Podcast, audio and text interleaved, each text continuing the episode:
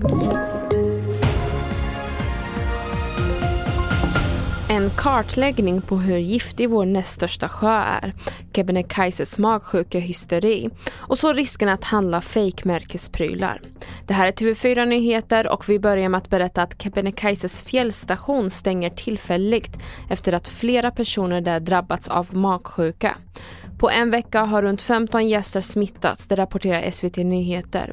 Många av stationens toaletter har varit avstängda och gäster berättar att det funnits två till tre toaletter för runt 300 besökare. Vi hör Tina, gäst på Kebnekaises fjällstation. Så jag tror det har gått liksom lite överstyr. Att det är för mycket folk. De kanske skulle dragit in på, alltså haft antal toaletter öppna till hur mycket folk här finns och då kanske man får ta ner på platserna hur många som kan vara på fjällstationen med det antalet toaletter man har. Vi är tre sällskapet som är ganska svaga efter vår eh, kräksjuka här så kan vi, vi kan omöjligt gå. Så vi har fått boka en egen helikopter eh, att ta oss härifrån helt enkelt. Svenska turistföreningen som driver anläggningen skriver på sin hemsida att de förstår frustrationen hos gästerna och kommer även återbetala de som bokat in sig under dessa stängda dagar. Nu ska nya dass vara på väg och stationen ska saneras. Hundratusentals personer får sitt dricksvatten från Vättern trots att sjön är giftig. Och nu ska man för första gången göra en stor satsning för att kartlägga hur pass giftig den faktiskt är. För att kunna vidta rätt åtgärder samlar just nu myndigheten Sveriges geologiska undersökning, SGU, in ett hundratal bottenprover.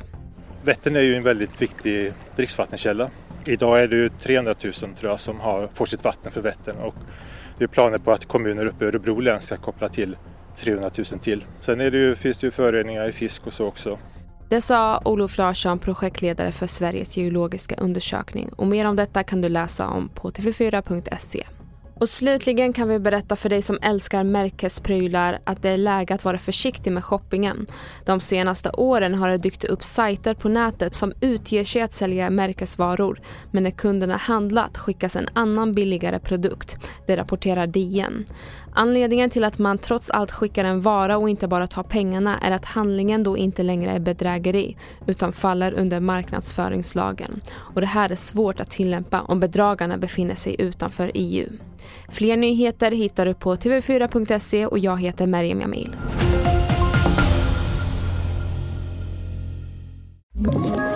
Ett poddtips från Podplay. I fallen jag aldrig glömmer djupdyker Hasse Aro i arbetet bakom några av Sveriges mest uppseendeväckande brottsutredningar går vi in med hemlig telefonavlyssning och, och då upplever vi att vi får en total förändring av hans beteende. Vad är det som händer nu? Vem är det som läcker? Och så säger han att jag är kriminell, jag har varit kriminell i hela mitt liv men att mörda ett barn, där går min gräns. Nya säsongen av Fallen jag aldrig glömmer på Podplay.